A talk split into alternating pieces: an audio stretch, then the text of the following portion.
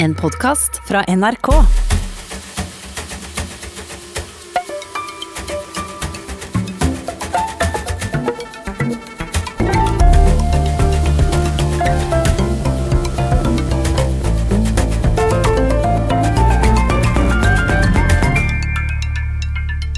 Det finnes like mange podkaster som det finnes mennesker i verden. Det er jeg 100% sikker på. Derfor er det en ekstra stor ære og en glede for meg at du har valgt å starte nettopp min podkast, altså Tore Sagens podkast. Det syns jeg er veldig stas. Veldig, veldig stas. Dette er sesong to av Tore Sagens podkast. Det betyr eh, Det får ingen praktiske følger for deg som lytter. Du kan høre på hvilken episode du vil, de er fullstendig frittstående. Eh, de henger ikke sammen, det er ikke noe rød tråd. Du kan høre på hvilken sesong du vil, de har heller eh, ikke noe rød tråd imellom seg. I denne sesongen så skal det handle om følgende temaer. Det skal handle om ernæring, hva vi burde spise, det skal handle om metoo, det skal handle om klima, det skal handle om identitetspolitikk, norsk økonomi og selvfølgelig jihad. Vi kommer ikke unna jihad. Vi starter i dag, eh, eller i denne episoden, da, som man sier i podkastverdenen, med et tema som jeg har hørt veldig mange podkaster om selv. Eh, og eh, det er selvfølgelig temaet kunstig intelligens, AI. Og i de podkastene jeg har hørt, så har det vært det jeg antar er svært intelligente mennesker som har masse kompetanse på området kunstig intelligens, som har vært veldig redde for hva kunstig intelligens kan føre til for oss som menneskehet. Og det har stort sett vært tragedie som har vært refrenget. Altså implementering av kunstig intelligens, det kan fort ende med tragedie. Det ender med arbeidsledighet, øh, dronekrig. AI takeover, og gud veit hva det fører til, men det er i hvert fall ikke noe positivt. Alle må gå på borgerlønn, det er ikke bærekraftig, det er krevende greier. Så da tenkte jeg sånn Er det virkelig så ille? Uh, og ved, jeg fikk et, et, veldig godt tips fra en av Tore Sagens podkast-lyttere om en svært kompetent person i Norge som jeg kunne invitere. Jeg inviterte han. Han heter Morten Gudvin. Han uh, er en uh, selverklært nerd og en stor kapasitet på dette med kunstig intelligens, så jeg tenker vi bare setter i gang, jeg. Første episode av Tore Sagens podkast sesong to.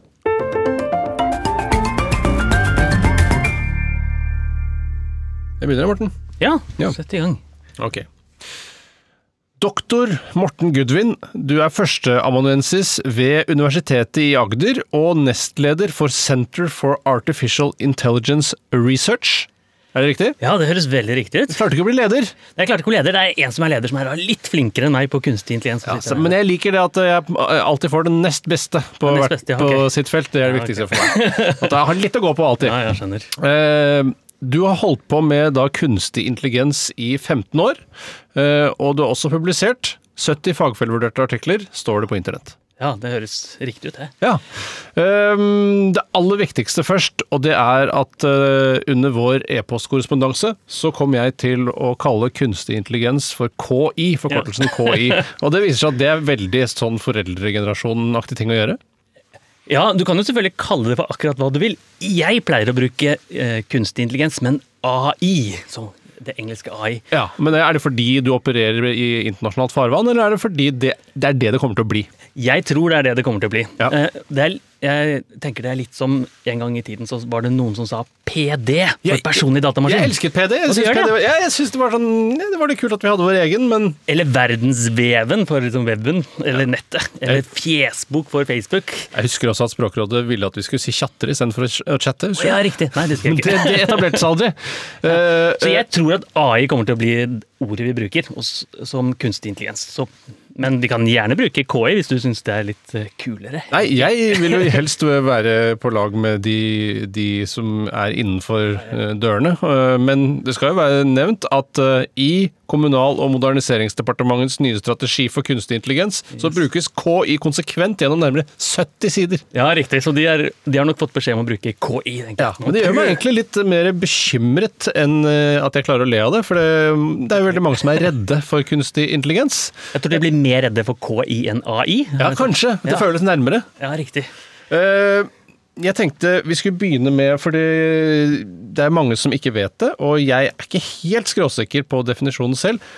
Vi begynner med noe så enkelt som hva er kunstig intelligens, eller AI? Jeg skulle håpe det var enkelt, men, og det er faktisk med vilje definert litt vagt en gang på 50-tallet, for at man ikke skulle tråkke noen på foten. Ja. Så man definerte det den gangen som kunstig oppførsel, nei, eh, intelligent oppførsel i kunstig materie.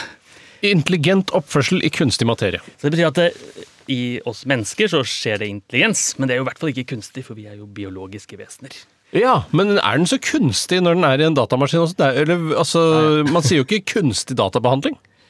Nei, det kan du godt si, men den er jo eh, den er i hvert fall ikke biologisk, som er det motsatte. Så Ja, altså, det er det den spiller på, at Ja, det er bare istedenfor på en måte kjøttbasert. Eh, Helt riktig. Ikke basert på kjøtt og celler og blod og sånt. Men nå har jo digitaliseringsministeren kommet med en ny definisjon, og den er litt lengre og litt tyngre, som er noe sånt som systemer som behandler data i det formål å komme til et mål. Det er ikke meningen å korrigere en førsteamanuensis, men kunstig intelligente systemer utfører handlinger fysisk eller digitalt basert på tolkning og behandling av strukturerte eller ustrukturerte data i den hensikt å oppnå et gitt mål. Enkelte KI-systemer kan også tilpasse seg gjennom å analysere og ta hensyn til hvordan tidligere behandlinger har påvirket omgivelsene. Ja, jeg legger meg flatt, du har rett. Tusen, tusen hjertelig takk. Stas at jeg hadde den foran meg. Men dette, går jo, dette er jo kanskje ikke så lett å forstå, den lange, tunge definisjonen der. Men det går veldig nært opp til noe som kalles maskinlæring. Ja. Og maskinlæring det er da dataprogrammer som lærer fra data på en eller annen måte. Så maskinlæring og kunstig intelligens, det er synonymer. Eh, Ikke helt kunstig intelligens er litt større, men veldig veldig mye av det vi har om kunstig intelligens i dag, er maskinlæring. Nesten alt. Ok, så øh, da i motsetning til det kanskje mange tror og har trodd, og jeg også har trodd, øh, kunstig intelligens eksisterer. Det eksisterer masse kunstig intelligens overalt. Og noe av det fungerer veldig bra, noe av det fungerer ganske dårlig, men de er der. Ja. Så i motsetning til de aller, aller fleste dataprogrammer som ikke er kunstig intelligente, eller ikke er basert på maskinlæring, så på de vanlige dataprogrammene man bruker, da, Word og Excel og alt mulig sånt, så er det noen programmerere som bestemmer absolutt alt i programmet. Det er liksom greia til vanlige programmer. Ja, Noen på Microsoft har laget alt. De bestemmer alt. De bestemmer alt. Hva skjer hvis du trykker på 'fil åpne i Word', f.eks.? Det er noen på Microsoft som har bestemt. Ja, sånn ja. Så sitter de i møter og bestemmer. og så Jeg er ikke helt ubevandret selv. Jeg har jo laget en og annen øh, meny i MS-DOS, Ja, riktig. hvor, man på en måte, hvor jeg bestemte alt. Ja, Så da brukte du ikke kunstig intelligens. Da Nei. lagde du bare vanlige dataprogrammer. Hvis man skal bruke dette som eksempel, øh, øh, hvordan, hvordan ville Word vært hvis det hadde en del kunstig intelligens Ja, i ja, seg? riktig. Så da må du trene den opp isteden. Du må mate den med noe data, og så må du si 'dette er målet for det, dette dataprogrammet'. For eksempel hvis jeg printer hver dag klokka tre, så etter hvert så skjønner den at jeg printer hver dag klokka tre, så gjør den det av seg selv. Ja, så Da mater du med masse eksempler på eh, de dagene du printer, og så er det opp til det kunstig intelligensprogrammet når skal du printe. Ja. Hvis det er så målet. Og da hver dag klokka tre så begynner den å printe enten du vil eller ikke, for det har den lært seg. Nettopp. Eller hva slags farge du ønsker å ha på bakgrunnen, eller hva slags font du ønsker å ha. Kunne man gjort med kunstig intelligens, da. Så øh, kunstig intelligens er ikke en ny teknologi. Den er absolutt ikke ny. Den dukket opp første gang på 1950-tallet. Men den har begynt å fungere nå i de senere årene. Ok, Så man har på en måte jobbet mot et mål man har visst hva var hele veien? Ja, så man, Det overordnede målet har vi ikke nådd enda, vil jeg påstå. Det er jo å nå intelligent på menneskelig nivå. Og det er vi fremdeles ganske langt unna. Ok, Så øh, den baserer seg på den samme teknologien som vi har i dag, bare at den har blitt raskere og har muligheten til å behandle mer informasjon?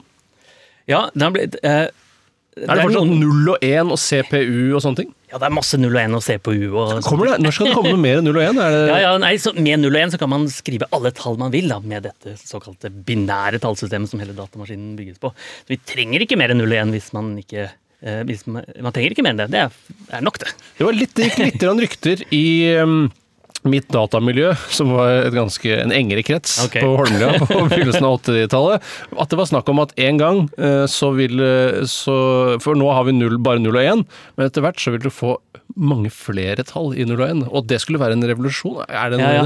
Nei, det høres litt rart ut. Det går rykter om at eh, russerne, eller sovjeterne, jobbet med tre tall. da, 0, Å, ja. 1 og 2 med sine datamaskiner. Men Så det var, av, på, og hva var det siste? Ja, midt- noe midt imellom, eller noe sånt. Okay. ja. Men det var i hvert fall ikke det som slo igjennom. Eh, 0 og 1 holder for å definere absolutt alle tall man vil. Så det kommer ikke noen revolusjon på akkurat det området? Nei, det kommer ikke tre. Nei. eller to, eller noe sånt. Nei, for jeg øh, altså, man, Jeg tenkte at kunstig intelligens det er noe øh, veldig mange Det har vært veldig mye snakk om fryktbasert. At man er redd for kunstig intelligens. Og da har jo altså Elon Musk, Ja, ja. Stephen Hawking øh, og Sam Harris, sånne liksom øh, høytsvevende folk, som De er de virker som de er forbi hele stadiet med at kunstig intelligens er farlig. De diskuterer nå hva det er vi skal gjøre for å begrense skadene. Eh, Hvorfor er de så redde? Eh, De er jo så smarte. Ja, det er nok flere grunner. Så Elon Musk er nok mm, eh, ganske redd hver gang den bilen han drifter, driver, selger litt dårlig. Da kommer han med litt sånn skremselspropaganda. Ja. Tesla går litt dårlig, så ja, nå snakker vi litt om kunstig intelligens som tar over verden, og menneskets utslettelse og sånne ting. Ja. Men det ligger noe rasjonale bak det. Det er jo ikke sånn som det er med klimaskadene, f.eks. Sånn at hvis vi ikke gjør noen ting, så går alt ad undas. Det tror ikke jeg, i hvert fall. Eh, Men det er eh, sånn at vi jobber mot å lage intelligente dataprogrammer. Kunstig intelligens. Og vi blir flinkere og flinkere til å lage de bedre og bedre. Og hvis det en gang skjer at vi når det menneskelige nivå, og kanskje går forbi den menneskelige kunstig intelligensen, da, så at kunstig intelligens blir bedre enn oss mennesker, da begynner vi å kunne frykte dette er. Og da frykter man det som heter, så vidt jeg har forstått, en AI takeover. Ja, en AI takeover, eller superintelligens, kaller man det. Men hva er AI takeover for noe? Ja, det er jo det at da eh, Hvis man ser på oss mennesker, hvordan vi oppfører oss overfor de mindre intelligente dyrene rundt oss, maurene f.eks., så bryr vi oss ikke det døyt om dem. Hvis jeg skal bygge et nytt hus, så tenker jeg ikke jeg gidder ikke å bygge hus her, for det er maurtue. Sånn tenker vi ikke. Nei. Og sånn er det med kunstig intelligens også. Hvis det en gang i fremtiden blir sånn at kunstig intelligens blir ti ganger så smarte som oss, eller kanskje hundre ganger så smarte som oss, så, vi, så vil jo de kanskje se på oss mennesker på den samme måten som vi ser på mauren eller hunden eller kattene. Ja. Og da vil de jo ta over verden, for da gjør de jo alt mulig rart som det vi kan, og mer enn det. Er dette eh, AGI? Eh, Artificial General Intelligence? Ja, nesten. Som er liksom next level? Eller? Nei, det er nesten bare, ja. Nesten. Ja, for det AGI, det generell kunstig intelligens, er når det er på menneskelig nivå. Men, Ja. det, men det er altså ingen grunn til å tro at den stopper der. Altså kanskje går den videre. det blir Mer bedre enn generell. Så vi kan, det vi kan gjøre, er å se på de litt teknologien vi allerede kjenner. F.eks. det å kunne fly. Så lenge så prøvde man å uh, fly og etterligne fugler. Så finnes folk som hoppa ut av Eiffeltårnet og flaksa som juling for de skulle se på fugler. ikke sant? Og så begynte de å forstå fysikken. Noen som Wright-brødre og sånn begynte å forstå fysikken. Og så klarte de å fly, men, men, og de klarte å fly veldig bra.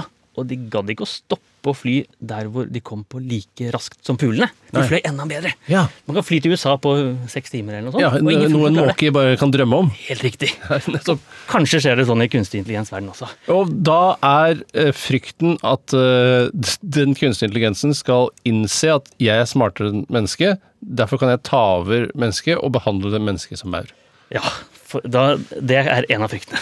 Absolutt. Hvorfor frykter eh, Stephen Hawking det? Hvorfor han, Jeg skjønner kanskje fordi han satt i rullestol, at det hadde noe med at han var litt svakere enn andre. Men Ja. hva- hvorfor Er det veldig langt fram i tid disse, de det- snakker om, eller? Det er jo veldig vanskelig å si når det skjer, men, eller om det skjer i det hele tatt. Men det er jo ganske langt frem i tid. For Ja. vi er i hvert fall ikke i nærheten av det uh, nå. Uh, Men hva er grunnen til det? Er det fordi man må finne opp noe nytt for at dette skal fungere? ja, kanskje må man finne opp noe nytt. Jeg tenker på det litt som å se eh, en tryllekunst. Så vi, vi ser intelligens overalt hos mennesker. Noen er litt mer intelligent enn andre, men vi ser det overalt. Og så prøver vi å etterligne det i disse dataprogrammene. Og hvis jeg ser en tryllekunst, da, noen som sager en dame i to, eller noe sånt, så virker det kjempeimponerende. Hvis jeg skal prøve det hjemme, så går det, ja, går det ikke så bra, antagelig. Nei. Men når jeg skjønner hvordan det skjer, to damer i en boks eller et eller annet, Er det det der? To damer i en boks? jeg er ikke helt sikker, men jeg tipper det i hvert fall. Det var, jeg tror ikke de sager gjennom. Jeg tror heller ikke det. Selv om det virker sånn, da. Ja. Og, Da må vi i hvert fall ha et noen, på en måte dren hvor alt blodet skal renne ut, for det, blir det kommer ikke noe blod. ja, det er sant, det. Ja. Det har jeg ikke tenkt på. Ja, det er ikke sant. Men, men jeg tror det er to damer i en boks, da. Jeg, jeg vet hva, jeg tror faktisk det er flere varianter. Kanskje det er noen robotbein som driver der. Uansett. Vi, vi, sånn er det med intelligens nå. Vi sitter og ser intelligens, vi ser konsekvensen av intelligens, men vi skjønner ikke egentlig hva som skjer. Nei. Og når vi kanskje en gang skjønner det, da blir det lettere å lage enda mer intelligent dataprogrammer. Ergo, man må finne opp noe nytt for å få virkelig god kunstig intelligens. Kanskje. Ja. ja, kanskje. Altså, Så det er det man også kanskje da frykter. Fordi det man ikke har oppfunnet ennå, vet man jo ikke hva er. Men det kan man jo frykte på alle mulige Ja, ja, områder da. i livet. Men, men det vi har sett, da, det er jo en utvikling av kunstig intelligens de siste fem-seks årene, som er helt enorm, uten sidesyke. Så i 2012 så var det en kjent sånn bildekategoriseringskonkurranse, hvor eh, mange fikk lov å laste opp sine dataprogrammer, det man noen ganger kaller algoritmer. Og de fleste eh, dataprogram, nesten alle dataprogrammene, eh, hadde feil i hvert fjerde tilfelle. Altså du fikk et bilde av en katt, og så sa den feilaktig at det var en hund. Ja. Mens den kunstig intelligens-programmet hadde en feil i bare 5 altså hvert 20. tilfelle. Ja. Eh, og så var det, gjorde de noen fiksfakserier, og så prøvde noen mennesker det samme. Og så viste det seg at den mennesket var dårligere enn kunstig intelligensen til å skille mellom katter og hunder og koster og aper og alt mulig rart. Hva var det den kunstig intelligens-datamaskinen hadde fått, fått, fått matet inn mer informasjon? da? Den hadde fått matet inn samme informasjon. Samme informasjon? Ja, ja, men den er trent opp da, med masse datakraft og masse Ja. data. For det er det man må ha for å få kunstig intelligens til å Og da er det på en måte øh, hvis værhår, øh, det kan peke. Hvis søt, det kan peke. Er det sånn, da? ja, ja, Det er bare en smartere algoritme? Det er en smartere algoritme. Jeg spørs hvor teknisk vi skal gå, men det, det bygges opp av noe Hvis jeg går veldig teknisk. Som, Ok, da kan vi gjøre det. Så det bygges opp av noe som heter kunstige nevroner. Så det er inspirert av eh, hvordan menneskehjernen er bygget opp. Det er sånne kunstige nevroner, og de kunstige nevronene er koblet sammen med andre kunstige nevroner med synapser. Bygget inn i datamaskinen. da. Det er noen matriser og litt sånt. Og så hver av de prikkene i bildet, som kalles piksler, de mates inn i disse kunstige nevronene. Og så går de gjennom noen synapser, av og på, gjennom noen andre synapser mange, mange, mange, mange ganger. Og så kommer det da ut helt på slutten.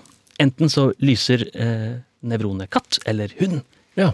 Og da er det, ligner det litt på hjernen, for det er sånn kunstige nevroner osv. Og, så og så er det veldig dype lag av kunstige nevroner, så det kalles faktisk dyp læring. Og det er det dyplæringsprinsippet kommer av. Men likevel, den har den samme forutsetningen som de vanlige datamaskinene, som gjør det feil eh, mye oftere. Og mm, hvordan er det vanlige datamaskiner gjør dette, da? Ja, Det finnes jo andre konkurrerende teknikker. Det finnes eh, teknikker som er litt basert på eh, statistikk og matematikk, f.eks. Som er sånn da eh, Du først gjør kjenner igjen at det er en runding, f.eks. Et sirkel, for det er typisk en katt. Og så er det en trekant, for kattører har det. Ja. Og så ganger man det sammen litt. Og så, hvis det er to kattører, så er det veldig sannsynlig at det er en katt. Ja, det er i hvert fall ikke en hund, si. ja, det er i hvert fall sjelden, da. du kan jo gjøre sånn, eller holde foran ørene, f.eks. Ja, da har du gjort. Ja, det er de oppgavene òg, ja. Så viser det seg at, at de tingene det fant den kunstige intelligensen ut av seg selv. Uten at du sitter og programmerer. Katt har trekanta ører og værår og sånne ting. Det er bare mates av dataene. Ja, for det begynner jo å ligne på sånn som man resonnerer selv når man skal resonnere seg fram til om det er en katt. Hvis man kaller det Eller i hvert fall tenke seg fram til at det er en katt. Ja, ja. Så det er jo veldig likt. da. Du får eh, noe synsinntrykk inni øynene, og så på en eller annen måte i hjernen så kommer det fram. Ja, ja, dette er noe jeg kjenner igjen fra før. Det er en katt. Det har jeg sett før. Ja. Eller en løve da, som ligner litt på en katt. Ja. Og noen av oppgavene var da sånn at du, som du sa, man kunne f.eks. ta bort ørene, i og med at mennesker også klarte å feile på dette. Ja, ja. Så Man skulle jo tro da at mennesker eh, klarte det 100 Ja. men noen ganger så er det litt vanskelig. da. Er det, en, er det en fisk, eller er det en ugress som ligger der, f.eks.? Ja. Og, og øh, så da nettopp den lærer seg selv å bli flink, basert på den lille informasjonen den har, med denne nye teknologien, i anførselstegn. Ny teknologi i anførselstegn. Så den mates jo med masse masse eksempler. Tusenvis, millionervis av eksempler. Og så skal den jo da plukke opp hva er det generelle trenden for katt, Ja. for hund. Men det, forskjellen er jo da at man ikke programmerer inn og sier 'katt har værhår'. Det er bare opp til deg selv å finne ut hva det en katt er, basert på alle disse prikkene. Det høres ut som mer enn bare vanlig databehandling. Det, det er jo det, det er jo kunstig intelligens, Ja. men, men det er jo dataprogrammer. Ja. Men Men, det- en, en selvkjørende bil, da, gjør den det samme som dette? Veldig mye av det er i en selvkjørende bil også. Ja. Selvkjørende bil er jo programmert en del, men mye av det er kunstig intelligens også. Ja, for jeg hadde Jeg, jeg kjører selv en bil som har øh, Jeg kjører også bil. Du kjører også tog? ja det hender. Ja. Men, men øh, Og da Jeg hadde ikke råd til å kjøpe sånn, øh, sånn selvkjørende Nei, ja, pakke fra Tesla, så jeg fikk det bare som en sånn månedstest en gang. Og da husker jeg at jeg prøvde det, og jeg syntes det var helt utrolig. Jeg kjørte på motorveien, da, klar, da klarte den å holde seg i feltet. Jeg syns jo det var utrolig i seg selv. Ja, så. Men så eh, Og så har jeg da den lille programmeringsbakgrunnen som jeg selv har. Så hvis jeg selv skulle programmert en selvkjørende bil, så er det sånn Hvis kantlinje eh, der, kjør så, og eh, skiltet viser 110, kjør 110 rett fram. Eh, og da, hvis da plutselig det ble en brudd i den kantlinjen, så ville mitt program da ville bare bilen kanskje kjørt hardt til høyre og drept alle. Helt riktig. Så Det er jo helt utenkelig å programmere en selvkjørende bil på den måten. Er det det? Ja, for det er så mye å gjøre, da. Ja, Men hvis du hadde hatt helt sinnssykt mye informasjon, så ville du kanskje gått Ja, ja, men du, ja, det, kan, det kan hende det går, men da må du kanskje bruke 10 000 år på å skrive alle regler du kan tenke deg i en selvkjørende verden. Ja. Eller du kan bare mate inn masse eksempler på selvkjørende biler, og så får du da eh, masse eksempler på eh, biler som kjører riktig, og masse eksempler på biler som kjører feil, kanskje til og med krasjer, i et sånt simulert miljø, da man tester ikke ut det ordentlig. Og så er det da opp til den selvkjørende bilen å skjønne når det er kantlinje, så skal du ikke kjøre til høyre for den, da. Ja, så det er ikke noe ehm, Når de trener opp eller prøver å finne ut av disse bilene, det er ikke noe mer informasjon den skal ha? Det er ikke sånn at om, eh, Hvis du ser bort fra da, den teknologiske utviklingen, så vil ikke en selvkjørende bil være bedre om ti år? For det er den samme informasjonen den får? Ja, hvis ikke de finner opp noe helt nytt, så er det akkurat det, ja. Ja. Så det er det samme. Og så trener man det opp med mer og mer data. Og Tesla eh, er jo et eksempel hvor de deler data mellom hverandre. Så hvis du nesten krasjer med Teslaen, eller krasjer med den, så går den dataen sentralt til et eller annet Elon Musk-database. Og så blir alle andre selvkjørende biler litt grann bedre, fordi de har fått den dataen som du har da matta dem med. Ja, Hvis 3G-nettverket klarer å sende den Ja, det er jo klart, da. og det var da det var en ulykke med en selvkjørende bil, to år siden, eller noe? Ja, noe sånt, ja. Ja, eh, en som het Elaine, tragisk ulykke. eh, men hun ble kategorisert, klassifisert, som en plastpose da hun gikk over veien.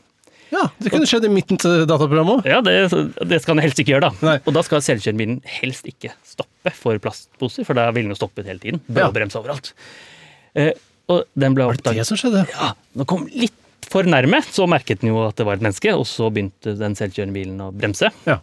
Eh, og så skjedde, så var det et, et tragisk utfall. Men de dataene som var der, gikk tilbake sentralt til eh, selvkjørende bil-universet. Og alle selvkjørende biler vil da bli litt grann flinkere pga. den ene ulykken. Så eh, da, da fikk alle de andre bilene Ah! Ja, ikke plastposer der. Nei, vær forsiktig med. Tenk litt mer på det Det Ja, nesten som kommunistisk sagt. da. Alle blir litt grann bedre. Ja. Og det er jo noe av styrken til kunstig intelligens, for man kan dele data mellom hverandre. da. Og alle kan bli litt grann bedre. Er det, jeg vet ikke om det, du er riktig måte å svare på, men er det Eller kanskje det er et dumt spørsmål. Er det, men er det egentlig mulig å lage noe som er smartere enn den som lager det? Ja, ja, det er det absolutt. Ja, det er det. Ja, ja, ja.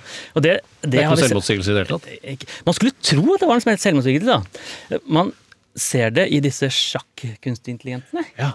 Det er mange versjoner av den. Den aller første som eh, Google DeepMind lagde for noen år siden, het eh, AlphaGo. Det spilte et, et annet spill som heter Go. da. Det ligner litt på sjakk.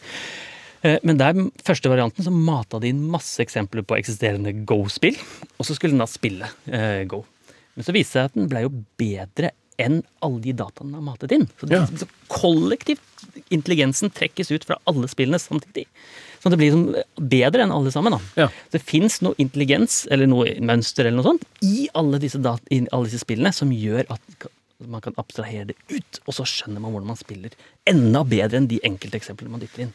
Men øh, øh, ser du på sjakksendinger på TV? Ja, det hender noen ganger, ja. Hvorfor øh, På meg så virker det noen ganger som om den analyseverktøyet som de har, jeg vet ikke om du kjenner hva det heter? Stockfish heter det. Stockfish, ja. Ja. Om, at det ligger litt bakpå i forhold til Magnus Carlsen. At det er sånn wow, wow, og den bruker ganske lang tid på å regne ut. Ja, ja. Men altså, kan Magnus Carlsen være så god at han, han på en måte regner ut altså, Han regner ut før, da, for han gjør jo trekket, og da har jo allerede gjort beregningene sine. Men det virker som den ikke ligger så langt foran. Ja, altså, Stockfish er jo en litt eldre kunstig intelligens-variant som ikke er basert på disse nevronene og sånt. Eh, og den, den bruker litt mer sånn tradisjonelle metoder, som er sånn at eh, hvis at dronningen er verdt ti bønder, f.eks., og så regner den ut ut fra det. Ja. Så den bruker ikke den teknikken hvor du dytter inn masse masse eksempler på spill, og så er det om å gjøre at den skal trekke ut. Den som heter Alpha eh, Zero, som kom eh, litt senere, spiller sjakk, og den gjør det eneste du mater inn, er sjakkreglene. Ok. Så spiller den mot seg selv, bare selv uten data. Ja. Og så, da så ble den da flinkere enn alle i verden, til og med Magnus Carlsen, til å spille sjakk. Tror du det er noen sjanse for at mennesker kan slå datamaskiner igjen nå? Ikke, nei, absolutt ikke. Nå er det, Ja, ja, er det over. Så Magnus Carlsen bruker, har jo sagt at han bruker den sjakkmaskinen for å trene seg selv opp. Nettopp. De er jo så mye flinkere Ja. eh, til å spille akkurat sjakk, da.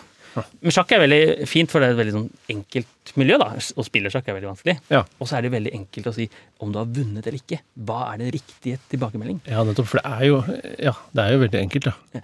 Ja, altså, Altså i, i, i, i å øh, bestemme hva det er som er Ja. det riktige. Ja, helt riktig. Så det, det er jo vanskelig å spille sjakk, men det er lett å skjønne om du har vunnet eller ikke. Ja. Og hva er det som er et godt trekk? Jo, det er hvis du vinner, så er det et godt trekk. Av og til synes jeg det er litt vanskelig å se hvem som har vunnet også. akkurat er. Ja, ja. fordi det går veldig fort når du spiller VM. Ja, det er greit. Nei, da er jeg ferdig! Da går jeg ut og har pressekonferanse. Ja, ja. Jeg ser litt sånn «Ja, Du kan vel fortsatt flytte tårnet ditt? Ja, ja, ja. Men det er kanskje bare fordi jeg er på et annet nivå. Men hvis du spiller til slutten av spillet, helt til slutten, da, så bør det være ganske greit. da. Ja, det er riktig. Ja, hvis du spiller det ut, ja, til Ja, du jeg tror Magnus Carlsen sånn stopper et par trekk før. Jeg har også innbilt meg det. Ja, så... For sånn, sånn I den sjakkverdenen, sånn du egentlig styrer den, er at du hele tiden gir den en belønning eller straff. Så hvis du er veldig fornøyd med den kunstige intelligensen, Ja. så gir den en belønning. Ja. Og belønning er ikke sånn nytt tastatur eller noe sånt, det, det er et tall. da. Ja. Kjempe... Det er samme som positiv forsterkning når du skal hjelpe en hund til å bli Ja, det er akkurat det. Det er det som kommer av prins prinsippene. Kommer derfra. En sånn som het Pavlov for flere hundre år siden, som skulle trene hunder til å sikle med å ringe en bjelle. Ja, det, var hele, det er mye av, start, mye av ideen til hvordan man trener de kunstige intelligensene. Og sånn du trener en hund, vil jo være akkurat sånn du trener en kunstig intelligens. Men du Ja. må bestemme da, når gir jeg en positiv tilbakemelding, og når gir jeg en negativ tilbakemelding. I sjakk er det veldig lett, for det er bare når du vinner. Ja. Men i en selvkjørende bil så er det da når du ikke krasjer eller kommer fram til målet. Ja. Men, så, men noen ganger kan det være litt vanskelig. da. Hva er, hva er en positiv tilbakemelding i en reklame, f.eks.? Er det når du klikker på den? Eller er det når Sånn det når du har, sakte? når du har kjøpt produktet. Eller når du har kjøpt produktet? Ja, Eller? nettopp. Eh, eh, jo, jeg skal litt tilbake til det med frykt, for det er det mest spennende med det. Ja. Men alt det andre er jo bare gladnyheter, merker jeg nå. kanskje det. Eh, og, det- og det er jo der, fordi eh, eh, den filosofiske diskusjonen har gått veldig mye på det, de moralske valgene som kunstig intelligens skal ta. For den skal jo ta valg eh, på egen hånd, basert på informasjonen den har fått. Ja. Eh, jeg vet ikke om du hører på, hører du på verdibørsen? Ja, det hender. Ja, og Derfor er det ofte diskusjoner hvor det er sånn Ja, vi har invitert tre eh, filosofer til å snakke om eh, hva, eh, hvem eh, den selvkjørende bilen skal kjøre på i Ja, ja. valget mellom en gammel dame, fjellveggen eller en skoleklasse. Det var alt, ja, riktig. Eh, ikke da- skoleklassen, ville jeg valgt. Ja, jeg vil heller ikke La oss bare sette skoleklassen vekk. Ja, en gammel dame og fjellvegg, da. Ja, og drepe sjåføren eller den gamle dama. Eh, Og da øh, Ting som jeg føler at de, er, de dekker jo veldig mye, og sånn er jo filosofer gode til å dekke ganske mange innganger. Men jeg syns det er veldig få som snakker om at uh, idet en selvkjørende bil har kommet opp i en situasjon hvor den enten skal drepe sjåføren eller en gammel dame, så har vel den kunstige intelligensen allerede feilet. Ja, syns- jeg er helt enig med deg. Og det, en del av historien er jo at det, akkurat de valgene tar jo vi mennesker også.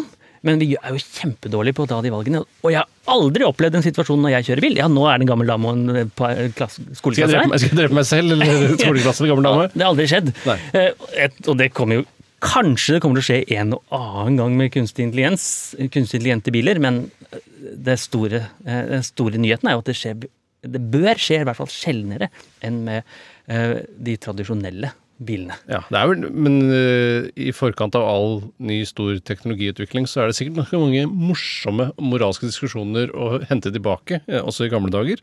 Uh, men uh, fordi Men hvem er det den skal velge, da? Hvis den først kommer i den situasjonen? Ja, det er spørs jo hva du verdsetter, da. Så en måte å si er jo at du kan verdsette eh, mengden liv som er igjen.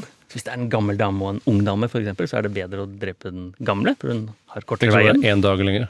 Ja, Eldre. ja, ja, en dag så er det en dag, da. Og hun tenker at hun har kreft, hun ene har kreft, men er likevel en dag altså, Eller at hun unge kommer til å bli kjempeslem, en sånn ny Hitler for eksempel. Ja. Så da det- kan det være lurt å drepe hun da. Da er det en veldig god, da er det sånn synapsevariant, Ja, ja, ja, eh, veldig tror jeg. Det er veldig smart. Eh, så uh, ja, nei, for det er jo uh, Da blir det også problematisert sånn derre Hvem vil velge å kjøpe en bil ja. som tar liv av sjåføren, hvis den har valget mellom gammel dame og sjåføren? Men du tror heller ikke det kommer til å bli et stort problem? Jeg tror ikke det, altså. Fordi de aller fleste vil jo da optimalisere mot. De ønsker at færrest mulig skal dø i den selvkjørende bilverden. Ja. Og det er det man får til med en selvkjørende bil. Da bør man ha, man bør helst ikke ha en helt umulig målestokk. Man sier at vi forventer en perfekt selvkjørende bil eh, som aldri gjør ulykker. Eller en perfekt medisinsk diagnostikksystem som aldri gjør feil.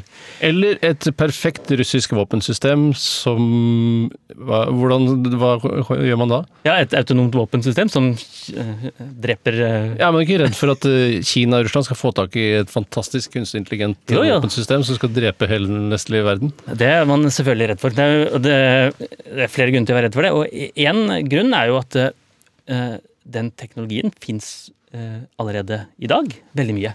Så det er ikke så vanskelig å lage en drone med en ansiktsgjenkjenning og lime på et våpen og lage 10 000 av de og kjøre utover. Ja. Enten om det er Russland eller Kina eller, eller en eller annen gærning. Ja, for du mener at det mangler en imperialistisk motivasjon i bunn? At det er det som er viktig å være på plass før man begynner å sende de dronene ut? Ja, kanskje. Eller ja, men ideelt sett så bør man jo helst ikke ha eh, våpen som dreper sivile, i hvert fall. Ja. Men en del av den historien, er i hvert fall, eller del av den debatten, er at de selvautonome våpnene kan bli eh, eh, drepe færre sivile enn de tradisjonelle våpnene.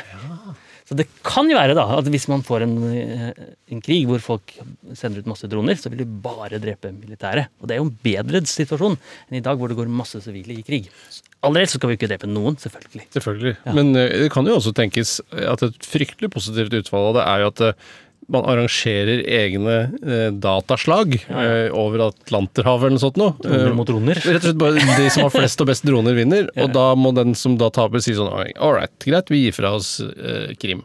Eh, eller noe sånt noe. Ja, det, det kan jo absolutt skje, da. Ja. Det, drone mot drone, det er jo eh, kanskje det vil, Jeg tipper at noen De vil guffe på med alt de har av kraft, enten det er droner eller mennesker eller hva som helst. Men veldig lenge så er jo det å ha, eh, drive krig vært forbeholdt at man har masse 18-19-20-åringer. Ja. Så den som har flest av de, er jo de som er best. Ja. Russland eller Sovjetunionen hadde flest 18-19-20-åringer i under andre verdenskrig enn Tyskland, og vant da. Ja. Men sånn er det egentlig ikke nå lenger, hvis man tenker eh, kunstig intelligens og droner. Nei. Så hvis man klarer masse droner med kunstig intelligens, så kan man jo angripe et annet land som ikke har fullt så mange droner og kunstig intelligens. For eksempel. så vi kunne jo invadert Russland hvis vi ville. Men jeg syns ikke vi skal det, da. Men det kunne man jo. Jeg syns vi skal i hvert fall vente litt. Ja, uh, er det uh, Og så er det et annet uh, tema som ofte diskuteres, er jo at alle mennesker mister jobben og må gå på borgerlønn, uh, skråstrek trygd. At det er noe veldig negativt. positivt. Altså, det er jo snakk om sånn ja, nå må vi, nå må vi få dette borgerlønngreiene opp å stå, for det er like før kunstig intelligens tar over hele arbeidsmarkedet. Ja. Uh, er, er, er, er du profesjonelt bekymret for at folk skal miste jobben pga. kunstig intelligens? Nei, uh, ikk- i hvert fall ikke at alle mister jobben pga. kunstig intelligens. Så teknologi kommer hele tiden, og det er- skjer alltid endringer, og noen mister jobbene sine. Jeg tror, og det kommer nye jobber også hele tiden. Det store spørsmålet er jo de som mister jobben sin, om de kan ta de nye jobbene. Så han taxisjåføren som ikke lenger kan kjøre taxisjåfør, kan han bli influenser, f.eks.? Det er jo ikke helt sikkert, da. Eh, Eller hva nå, YouTuber, eller hva som er Ja. en av de nye yrkene. Ja. Så det er jo ikke sikkert. Ja, for de klarer å skape verdier, de òg, av en eller annen grunn. Ja, ja, de tjener jo reklamepenger eller noe sånt. Ja, det gjør det. Ja. Eh, men eh, så eh, ja, altså, det, det er ikke en reell frykt man trenger å ha. Det, dette er vel Hver gang det kommer en teknologisk nyvinning, så er vel dette en bekymring. Men burde det kanskje være en større bekymring nå? Ja, det kan godt hende det bør være en større bekymring, og det kan godt være at kunstig intelligens klarer å fjerne mange av de tradisjonelle yrkene, eller i hvert fall veldig mange av oppgavene i de tradisjonelle yrkene, som vi trodde var forbeholdt eh, oss mennesker. Ja. Så da da den industrielle revolusjonen kom for lenge siden, så var det de fysiske oppgavene som forsvant, og så måtte vi gjøre litt mer sånn intellektuelle ting. Ja. Snakke med hverandre og alt mulig sånt. Som, nå viser det seg at den kunstige intelligensen ser ut til å gjøre noen av de tingene også. Og Ja. kanskje kan vi da få et eh, situasjon hvor mange av jobbene forsvinner. Men ikke alle, tror jeg, da. Nei. Jeg syns jo f.eks. foreløpig, så hvis jeg ser på de teknologiske nyvinningene eh, Nå er det ikke alt som skyldes eh, kunstig intelligens, da, men f.eks. å erstatte et jagerfly med en drone. Ja. Ser ut som du må jobbe 40 stykker for Ja, å drive ja, ja. denne dronen. Jeg Sitter i en kasse et eller annet sted i Nevada. Eh, og de selvbetjente kassene på Coop syns jeg fungerer veldig veldig dårlig. Og det ser ut som det jobber nesten dobbelt så mange med å hjelpe folk til å betale sine egne varer. Ja. Eh, Men det kan hende det er bare en starten på noe helt utrolig. Det vet ikke jeg. Det ser ikke ut som et teknologisk eventyr, akkurat de, de selvbetjente det kan, det kan godt være. Eh, Så, så det Men hva slags bekymringer bør man ha eh, i forhold til kunstig intelligens, da? Hvis ikke det er noe særlig? Jo, det er masse Sånn bekymringer. Ja, ja, det er masse bekymringer. En bekymring er jo at det, det er noen som ser ut til å dominere kunstig intelligens voldsomt, og gjør de virkelig godt innen kunstig intelligens, og det er enten de store amerikanske firmaene, Facebook og Google osv., de eh, får til veldig mye kunstig intelligens. Og så er det Kina. For Kina har sagt at de skal dominere kunstig intelligensverden innen 2030. Hvorfor er det så skummelt? Ja, fordi Kina har en litt annen holdning til nesten alt mulig rart. Personvern eh, og det man kan tenke seg. Eh, Bestikk. Altså, hvor det er vel helt, helt egen vei. Ja, sant nok. Så de, I Kina så innfører de noe som heter sosiale kredittsystemet, som gjør at man får plusspoeng og minuspoeng avhengig av om man oppfører seg bra. Eksisterer det i dag? Ja, det eksisterer noen sånne testscenarioer i Shanghai blant annet. Så hvis jeg røyker på gaten i Shanghai eller går på rødt lys, eller noe, så får jeg minuspoeng. Hvordan, hvordan øh, vet du hvordan dette fungerer Ja, i vet, praksis? jeg vet noe av det, i hvert fall. Og mye av det er kunstig intelligensbasert. Det er overvåkning på, i, på gatehjørner, som ser ja, her er Morten, eller en kinesisk variant av Morten, og som driver og røyker på gaten. Minuspoeng. Ja. Eller han legger ut på Kina Facebook en eller annen ting som ikke har, er løgn eller eh, feilaktig. Det får du minuspoeng. Og det er basert på kunstig intelligens. Ø- ø- Og hvordan syns de at det går der borte? Ja, ja, Det spørs jo hvem du spør, da. Men, men Ja, men har de som går rundt Den vanlige mannen har vel ikke så mye han skulle sagt uansett? Han har ikke så mye sagt, men det er, det er noen som mener at de har eh, fått ærlige svar fra disse kineserne, og de syns det er kjempepositivt. Ja, er det sant? Ja, og eh, Hvorfor det, da? Det, i meg, hos meg så skjærer det i sjelen å få en sånn type overvåkning. Eh, Men det er nok flere grunner. og en grunn er at eh, den kinesiske filosofien er veldig sånn kollektivistisk. Det som er bra for samfunnet, er liksom bra. Så vi har en veldig sånn individualistisk tanke. Det som er bra for meg, er bra. Ja. Eh, og så er det eh, plutselig Så kineserne har jo alltid blitt overvåket, men plutselig kan de da overvåke uten å bestikke seg ut av det, f.eks. Det går ikke an å betale 200 dollar til en kunstig intelligens, og så går det greit. Så, så det, du, du, det fins antydninger eh, det, det kan virke som om også vanlige folk syns det kan være et system som er helt ålreit, i forhold til hva de hadde. I forhold til hva de hadde, ja. Ja. Så de, de virker positive til det. Og når de får da tilgang til alt av data Så de forskerne i Kina får tilgang til massevis av data. Så er det helt klart at de kan ha en fordel, da, hvis vi setter for mange restriksjoner Ja. på norske data. Det er bare en formalisert utgave av det vi egentlig har her også. At eh, hvis du skal ansette en fyr, så går du inn på Facebook-profilen hans, Ja, ser du at han har vært med i Paradise Hotel.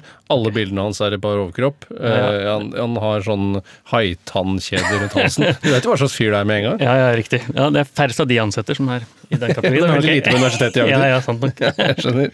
Uh, ja, så uh, Men ja, men hva var problemet for oss rundt Kina, da? Vi kommer ikke til å få dette systemet. Nei, det, nei, det systemet får vi nok ikke, men vi får eh, kanskje kinesiske kunstig intelligente systemer. Som vi må eh, bruke, eller hvis vi har lyst til å bruke, skal bruke. Huawei, for eksempel. For eksempel, eller i helsevesenet. Da. Jeg eh, lurer på nå om jeg har kreft eller ikke. Det finnes et system som er lagd av kinesiske forskere. Det fungerer i 99 av tilfellene. Og så får vi et system som, i, som er basert på norske systemet, som fungerer i 92% av tilfellene. Så Ja. vil jeg da velge det som fungerer best. Altså, det er, et, det er eh, en kinesisk takeover-frykt? Er det det der, Ja, det, er, først det er nesten et sånt våpenkappløp. Ja. Som vi ønsker nå. Hvem er det som klarer å få til den virkelig gode kunstig intelligensen? Er det Facebook og Google og disse? Er det Kina, eller er det Europa? Hvem syns du virker som leder? Ja, det er, eh, det er Facebook og Google og de som leder. De leder, ja. ja, ja. Og vi ser på i akademiske journaler og konferanser og sånt, så ser vi eh, veldig mye av det som før var universiteter, er det nå Facebook og Google og sånt som publiserer og dominerer. Så det er nesten blitt akademiske institusjoner. Og de store kunstig intelligens-kjendisene er blitt ansatt hos Facebook og Google. Så de tar over mye av akademia også. Men, må, men eh, reguleres det i noe særlig grad, eller får de lov å gjøre som de vil? Ja, de, for, ja, de reguleres jo. eh, De får jo forske, lov å forske sånn som de vil. Ja. Det er i hvert fall det de forskerne forteller. Så hva er det som motiverer deg til å jobbe hos Google? Er det den store lønnen du får, eller er det noe annet? Og de sier at de får bl.a. kraftige dataer som de kan regne på, for det må man ha. Og man får tilgang til masse data for å få ting til å fungere. Ja. Eh, Og da er det veldig attraktivt å jobbe hos Facebook og Google. Men så det verste som kan komme ut, eh, sånn som du ser det, er at vi skal velge kinesisk kunstig intelligens framfor f.eks. amerikansk eller norsk? Er det det vi skal frykte mest? Ja, det er i hvert fall en av de tingene som er realistisk å frykte, tenker jeg. Så man kan jo frykte de andre tingene også, men eh, ikke i den nærmeste framtid. Så hvis Europa eh, velger å ikke henge med, jeg tror Europa kommer til å henge med, så er det eh, så er det jo amerikanske og kinesiske systemer man må kjøpe når vi tror at dette kommer til å være så viktig inn i fremtiden som det er da. Sier du at eh, Mener du at, det er, at generelt så er kunstig intelligens litt en hype? Mye av det er, og det er absolutt en hype. Ja. Og veldig mange av de som snakker om eh, kunstig intelligens, eh, har jo veldig enkle form av eh, kunstig intelligens. Så jeg tror denne hype-boblen kommer til å sprekke. Ja. Eh, At om et par år så er det få som snakker om det. Ja. Men de teknikkene som fungerer, eh, kommer til å fungere fremover også, for de fungerer allerede nå. Nettopp. Og det er litt sånn eh, roboten Sofia, vet ikke om du har sett den? ja. Nei. Nei, roboten Sofia er en sånn som har fått statsborgerskap i Saudi-Arabia og driver og snakker og vitser litt på God morgen Norge og alt mulig sånt. Er det en fysisk ting, eller? det er en fysisk robot. Ja. Eh, og den er gjennomsyret fake. Helt vekk. Hvordan da? Ja, det er noen som sitter på bakrommet og programmerer. Nei, er det sant? Det er sant, ja. Du har ikke klart å finne på noe bedre enn det? Nei, det er kjempedårlig. Men den selges jo inn da, som en ordentlig kunstig intelligens-variant. Lagd av noen, noen Hansen Robotics, sånn Disney-type eh, firma. Og, det er, eh, og hvis det kommer mange sånne eksempler, så tror man da at man er like før å få bevisste nesten-robotmennesker ut. Men det er Hva med den der, Det er noen videoer som ofte sirkulerer, eh, eh, som har blitt tilsendt og sånn, som er så morsomme, hvor det er sånn hund som Eller en, sånn, en slags sånn fyr Eller en hund. Ja, ja. En robothund. Som de Ja, ja. sparker over ende, og så klarer de å komme seg på beina igjen. Boston Dynamics. Er det noe ekte? Ja, ja det, er ekte, det er ekte, men det er ikke basert på kunstig intelligens. Nei. Så det er, det er programmert litt mer sånn tradisjonell form. Altså, det, det er bare noe som kan gå og reise seg opp igjen. det. Ja, ja, det er akkurat det der. Og det er noen som har programmert uh, høyre bein, og så venstre bein, og så høyre bein, og så venstre bein. Det kunne jeg gjort selv. Ja, ja, ja så bra. Ja, det ligger nok ganske mye jobb i det, altså. Ja, Men, det men grunnen til at det ikke er kunstig intelligens der, er at hvis du skulle tenkt deg Den burde kanskje prøvd 10 000 ganger, da. Ja. Og gått fremover. Og så fått tilbakemelding 'nå gikk det bra'. Og det ville vært veldig, veldig lang tid i, sånn, i fysisk verden. Ja, men, ja, men eh, hvis den har denne nye type eh, kunstig intelligensen med synapser, vil du ikke da bare kunne mate den med informasjon om gåing? Jo, det, det som folk har gjort, er jo de har trent opp i eh, noen andre da, trent opp i virtuelt verden, altså i et spill. Og så flytter de over i roboten etterpå. Og, og det fungerer. Ja. Eh, et eksempel er jeg tror det er Stanford, som gjorde det med helikopter.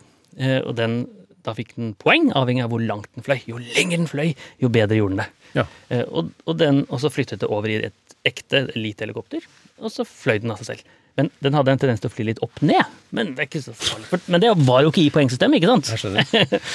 Jeg så, for, eh, jeg klarte og jeg, jeg led meg gjennom hele denne nasjonale strategien for kunstig intelligens. Og Ja, ja. Da var det, jeg tenkte kanskje det skulle komme noen morsomme konkrete eksempler. Og sånne ting Og det morsomste som kom, var at uh, Matvaredistribusjonssentralen ASKO skulle ha en uh, autonom transport mellom Moss og Holmestrand uh, i 2024 eller noe sånt. Nå.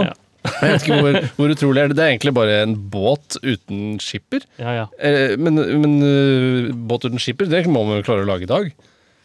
Ja, Der det, på sjøen er det jo bare sånn Hvis skjær, ikke kjør. Hvis annen båt, vik. det er nok litt vanskelig. Det er noe eh, Litt vanskelig, da. bølger og sånt som gjør at det, De har til og med en fjord som er dedikert for å teste ut noen autonome båter. båter. norsk fjord? En norsk fjord, ja. Ja. Så vi har dedikert en fjord. Altså vi, Norge, har dedikert en fjord til å teste ut kunstig intelligente båter. Så det er nok eh, Ja, det kan godt hende å kjøre båt er vanskeligere enn å kjøre bil.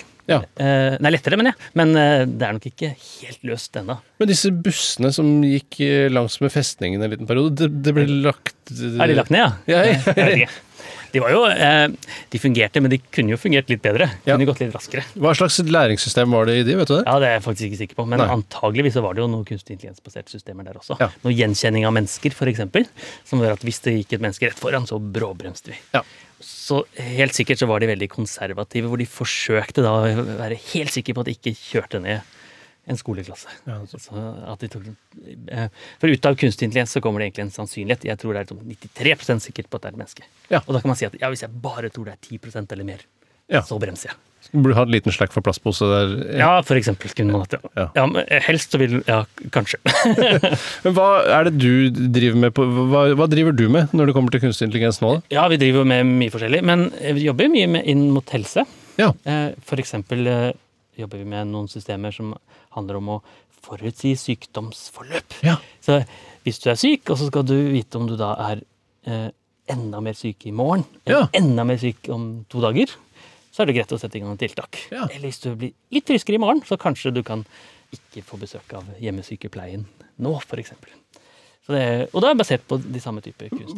Hvordan, hvor får du informasjon fra? Altså Du tar tester av mennesket, og så klarer du Ja, du, du gjør, eh, de som har eh, disse systemene, har målinger. Så du måler noe puls og, eh, og har litt sånn egenmeldinger. Forteller at ja, nå har jeg vondt i hodet, og nå har jeg vondt i magen, og sånne ting. Ja. Eh, og så ser man da over tid, hvis du har vondt i magen i dag og vondt i magen i morgen, og enda mer vondt i magen den tredje dagen, så er det, er trenden at du fortsetter å ha det. Ja, Vi framskriver magevondt for deg. Ja, eksempel. Ja. da baserer man det på kunstig intelligens. Eh, Hvorfor er det sånn eh, noen ganger Jeg vet ikke om dette har noe med kunstig intelligens, kunstig intelligens å gjøre, men noen ganger når jeg hører på eh, setter på barnemusikk Ja, i bilen, i Spotify, da søker jeg på barn, eksempel, og så kommer det barneviser, Barnas plater, MGP Junior. Og så setter jeg på en, Ja. og rett etter at den er ferdig, så velger, spille, eh, så, så velger Spotify å hoppe til neste låt, som er da Bugge Wesseltoft. Okay. Spiller sånn jazzpiano. Hvorfor funker ikke det?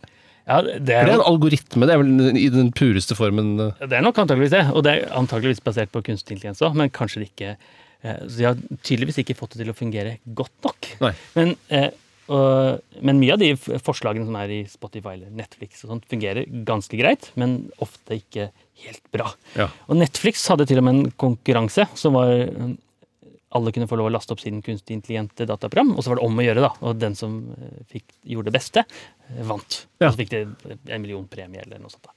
Eh, mens Netflix valgte da å ikke implementere den beste i praksis, fordi de mente at det var for komplekst å implementere. De vant kanskje sånn en lite grann, altså litt grann bedre gjetting på hva du kommer til å se på Netflix, enn en mye enklere modell. Kanskje Spotify har valgt en litt enklere modell, for det folk hører på Spotify allikevel. Det er ikke noe vits i å Jeg merker at jeg også har veldig problemer med Netflix sin anbefalelsesstrategi. Mest fordi jeg deler konto med kona mi. Ja, Ja, da blir det bare helt fullstendig I Netflix kan du velge, da. Du kan logge deg inn som eh, flere. Ja, jeg har fått meg en egen bruker nå. Ja, så vi har i hvert fall en egen for barna og en egen for oss. Det er en stor fordel. Så blir det veldig mye rosa hester Ja, ja. og sånne ting. Ja, guttebarn, jeg, Så det. Ja, ja, det er blå hester. Blå hester. Ja, ja. Um, eh, Turing-testen, Ja, det er testen man tar for eh, nei, Da skal du på en måte ikke klare å skille en datamaskin fra et menneske. Er det sånn det er fungerer? riktig. Så det var jo Alan Turing, en av de store kunstig intelligens-pionerene, som definerte det. Og, og det er at du eh, snakker med Snakker fysisk, eller taster, eller hva? Ja, det er ikke så farlig, men Nei. du kan godt si fysisk, da. Til en vegg.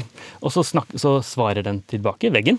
Og så skal jeg da gjette. Er dette et menneske eller er det en robot? Så jeg sitter og snakker med deg nå. Ja. Og hvis du er en robot, så blir jeg da lurt til å tro at jeg snakker med et menneske. Og da er Turing-testen bestått. Er det noen som har bestått Turing-testen? Absolutt ikke. Overhodet ikke. Jeg er kjempelangt unna. og du merker jo det da, når du snakker med Siri og Alexa og sånt. Det er jo veldig rart å snakke Det er veldig forskjellig på det å snakke med kona, eksempel. Det Det er noe helt annet. Det er helt riktig. Eh, For, og eh, selv de klarer sånn enkle samtaler som to-tre setninger, maks! Og så skjønner du det med en gang. Ja. Det er noen som påstår de har eh, bestått Turing-testen. Hvem er det? Ja, det er, eh, jeg husker ikke helt navnet, men eh, Eugene et eller annet heter den algoritmen. Så ideen er De, de sier da at de har en De påstår at de er en utenlandsk person, som er et barn, og som da ikke kan engelsk helt. Det er premisset for ja, så, sier ja. det. så den sier det først, og så i noen egentlig liksom Turing-tester påstår de at det har bestått. Ja, det var litt Men det er bare humbug, egentlig. Altså. Jeg, tror bare, jeg er eh, en analfabet, eh, utlending med lav IQ.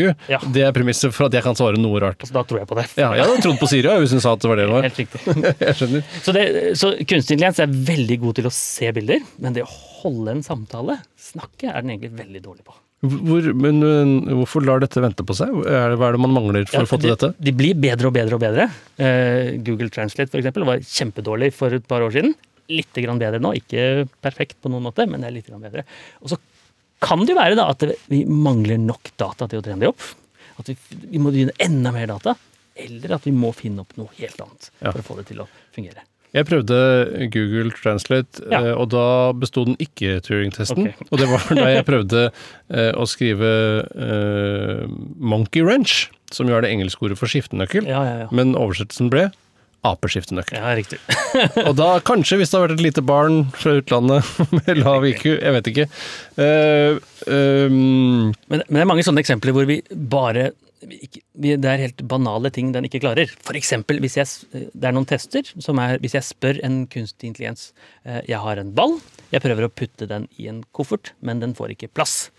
Hva er for stort? Er det kofferten eller ballen? ja. Og alle mennesker skjønner da at ballen er den som er for stor, det er ikke kofferten som er for stor. Men det spørsmålet klarer ikke kunstig intelligens. Hvorfor ikke? Nei, for Den har ikke konseptforståelse. Hva er ball? Hva er koffert? Oh, ja, jeg. Eller jeg kaster en ball gjennom veggen, eh, og det gikk fint, for den var lagd av betong. Hva er lagd av betong? Er det ballen eller veggen? Og det er ballen, da, selv om det er litt grann rart at ball lages av betong. Er dette i tilfeller hvor du spør er kunstig intelligens? Ja. Akkurat. Eh, Og da, da klarer den litt grann bedre enn tilfeldig gjetting. Hva er det som skal til for at den skal få til dette? Mulig Ja. du svarte på det, men da følte jeg ikke med. Ja, det er tusenkronersspørsmålet. Ja.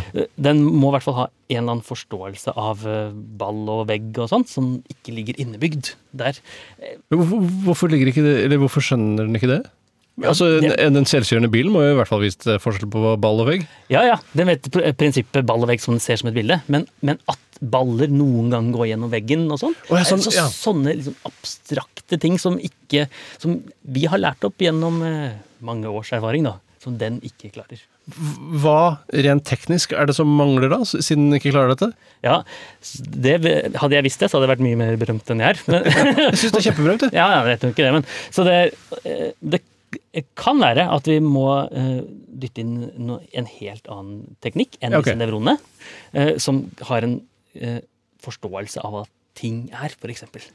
Eh, og, og det betyr jo da at eh, mange av de rene samtaletingene er veldig veldig vanskelig. Du kan spørre Siri, f.eks. Eh, hvor stor er jorda? Så vil den svare. Ja. Og Så kan du spørre hvor stor er sola? Så vil den svare. Så spør du hva er størst, jorda eller sola? Så klarer den ikke å svare. Så den forstår liksom hva hvor stor jorda er, hvor store sola er, men da burde det vært naturlig å tenke at, de, at sammenligning bør være enkelt. Men Hvis jeg spør Siri hva som er størst av jorda og sola, svarer hun ikke riktig da? Da, googler den og sier ja, jeg googla. Ja, Eh, sånn, ja. ja. For den har ikke et faktisk Den kan ikke svare deg. den har liksom ikke forståelse av de tingene. Nei. Selv om man får litt forståelse, så har den ikke en eh, større forståelse av Ja, for, for all informasjonen til Siri er noe den har funnet på internett. Mye av det er det, ja. Ja. Og det mye av det er eh, trent med kunstig intelligens, og den er fint på internett. Og når den ikke vet svaret, så googler den. Men hvis den googler hva er størst av jorda og sola, vil Da, ikke jo, da finner jeg det. Jo, de- så sier jeg nå 'This is what I found on the internet'. Ja, ok. Ja, så, ja. ja, så sier de sånn Hilsen Siri, sola er størst. Den sier Ja, ja. ikke Det er ikke sånn, nei. Så går den på Nei, nei, det går på Wikipedia eller noe sånt. Da. Ja, nettopp. Så der har man litt, eh, et stykke Der, kan man finne, der må man finne opp noe. Kanskje, kanskje man må finne opp noe, da. Det er Ja. mange som prøver å finne opp eh, ting, da. Og, og, og tekstforståelse blir bedre og bedre. Ja. Så Google Translate er bedre enn det var før.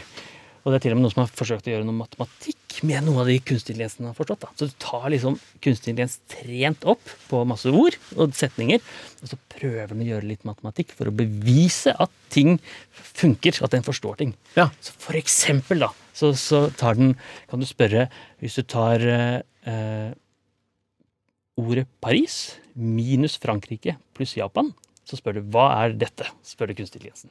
Og da svarer den Tokyo. Så det er som en sånn matematikkstykke basert på Ja. Ja, det- da har den jo en sånn litt forståelse av hva eh, ja. eh, Eller hva er eh, Altså I den forstand at eh, eh, hovedstad minus land eh, eh, På den måten, ja. Jeg har forstått det riktig, Absolutt. Ja. Eh, Eller hvis du spør eh, hva er eple pluss lilla, kan du spørre kunstig intelligens om da. Ja. Da får du ut plomme. For det er Ja. den lilla varianta. ja, nettopp, ja. Eller du kan spørre eh, kirurg minus mann pluss kvinne. Og riktig svar bør selvfølgelig være kirurg, men det den sier, er sykepleier. Så den har jo da ikke bare forstått de prinsippene, men har også litt fordommer Ja, den er full av sjåvinisme. den også. Ja, masse sjåvinisme. Et annet eksempel på sånn sjåvinisme var i eh, Amazon. De prøvde å lage en ansettelsesdataprogram, kunstig intelligens. Så nå skal de få ansettelser til å skje automatisk, istedenfor at vi har masse folk som bestemmer jobbintervjuer osv. Og da hadde de masse eksempler på folk som har blitt ansatt, kommet til jobbintervju og så gått gjennom. Og masse eksempler på folk som har kommet til jobbintervju og sagt nei, du passer ikke her. Du er ikke Amazon-folk. Og så trente de opp en kunstig intelligens masse nevroner og synapser og alt mulig sånt. Og så skal man da få ut eh, passer til jobb eller passer det ikke til jobb. Og hvis du da hadde huket deg på kvinne, så gikk du ut med en gang. Du skal ikke, kvinne var liksom en kriterium for ikke få jobb hos Amazon. Men hvorfor skjedde det? Ja, Det skjedde jo selvfølgelig, for Amazon er et IT-firma, og de har jo ansatt mange menn. Ja. Primært menn, da. La oss si 90 menn. Eh, og så har da kunstig intelligens sagt ja, ja, så det er jo et godt kriterium da, for å bli ansatt der. Mann er et godt kriterium. Og hvis du tenker på det, så, Det har den jo rett i på mange måter. ja, basert på de dataene den har, så har den jo rett i det. Eh, og det er noen ting man, vi har lov å skille på. Vi har lov å si at du skal ha en mastergrad for å begynne å jobbe hos meg, f.eks. Men jeg har ikke lov å si at du må være mann. Men for kunstig intelligensen så er det akkurat det samme. Det er Ja, altså bare to verdier i en tabell, på en måte. Eh, Og, og, men ja, Så det var bare en prioriteringsliste, da, og så var tilfeldigvis da kjønn over eh, mastergrad? Ja, Kjønn var jo en av de tingene som gikk inn i det nettverket. Ja. Og så sa den at ja, ja, hvis du har huka på det, ut. Er rart ikke den har klart å lære seg selv til å forstå at mastergrad er viktigere enn kjønn. Eller for at jeg vet, kanskje mastergrad ikke er viktigere Ja, enn kjønn. I, I det tilfellet så var det jo ikke det, da. Men det Amazon prøvde, var at ja, da spør vi ikke om det, da. Da fjerner vi det som input. Ja, nettopp. Man spør ikke om det i det hele tatt. Og da viste det seg, hvis du i CV-en din har skrevet at du er i kvinnelige sjakklubb, f.eks., så var du ute, altså. Ja. Eller hvis du spiller lacrosse, tror jeg det var, sånn litt flere kvinner enn menn spiller, da var du ute, altså. Fordi du, den tolket deg da så at da er du kvinne? Da fant du ut at du var kvinne. Det gikk liksom ikke an å skjule at du var kvinne i datasettet. Ja, Du spiller håndball i Norge, f.eks.? Ja. Kvinne, sannsynligvis. Ja. Antakeligvis kvinne. Ja. Herregud, så strengt. Men det er, ja, det er jo diskriminerende, men samtidig så eh, Statistisk sett så har den vel rett, da. ja. Så feilene ligger jo i dataen de har dyttet inn. Ja. Og det er eh, Amazon som har sagt eh, vi har ansatt masse menn, og det har vi prioritert inn i kunstig intelligensen. Ja. Enda verre eksempel var i, jeg tror det var i Wisconsin i USA. Der bruker de kunstig intelligens i rettsvesenet. Oi. Eh, og der har de tenkt vi, Hvis du er svart, døm uansett. Er det, Akkurat det som skjedde! Det var Nesten, i hvert fall. Så eh, selvfølgelig der. Dataen de har dyttet inn, er tidligere domfellelser. Og de afroamerikanerne ble jo dømt litt strengere enn de hvite amerikanerne. Og så tok de med vilje ikke med et hudfarge, for det skal ikke bety noe. Nei. Men hvis du bor i østdelen av byen eller noe sånt, så ble du plukket opp uansett. så, men dette her er, vitner jo om litt det samme som Spotify spiller Bugge Wesseltoft Ja, ja, ja. etter barnemusikk. At uh, rent teknisk så virker det som verdens enkleste ting å fikse, og uh, kunstig intelligent intelligens virker ikke særlig intelligent. Eh, men det virker jo som en ganske enkel ting å fikse, da. Ja.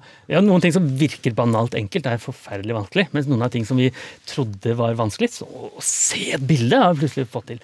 Så det, det, det at vi sammenligner med hva vi mennesker syns er intelligente, er ikke så veldig god sammenligning, for vi er så veldig annerledes enn disse dataprogrammene. Men er ikke dette også da det som gjør det skummelt med kunstig intelligens? At vi forutså ikke at den skulle eh, ikke ansette kvinner, eh, og da forutser vi heller ikke at den ikke skal ta over sivilisasjonen.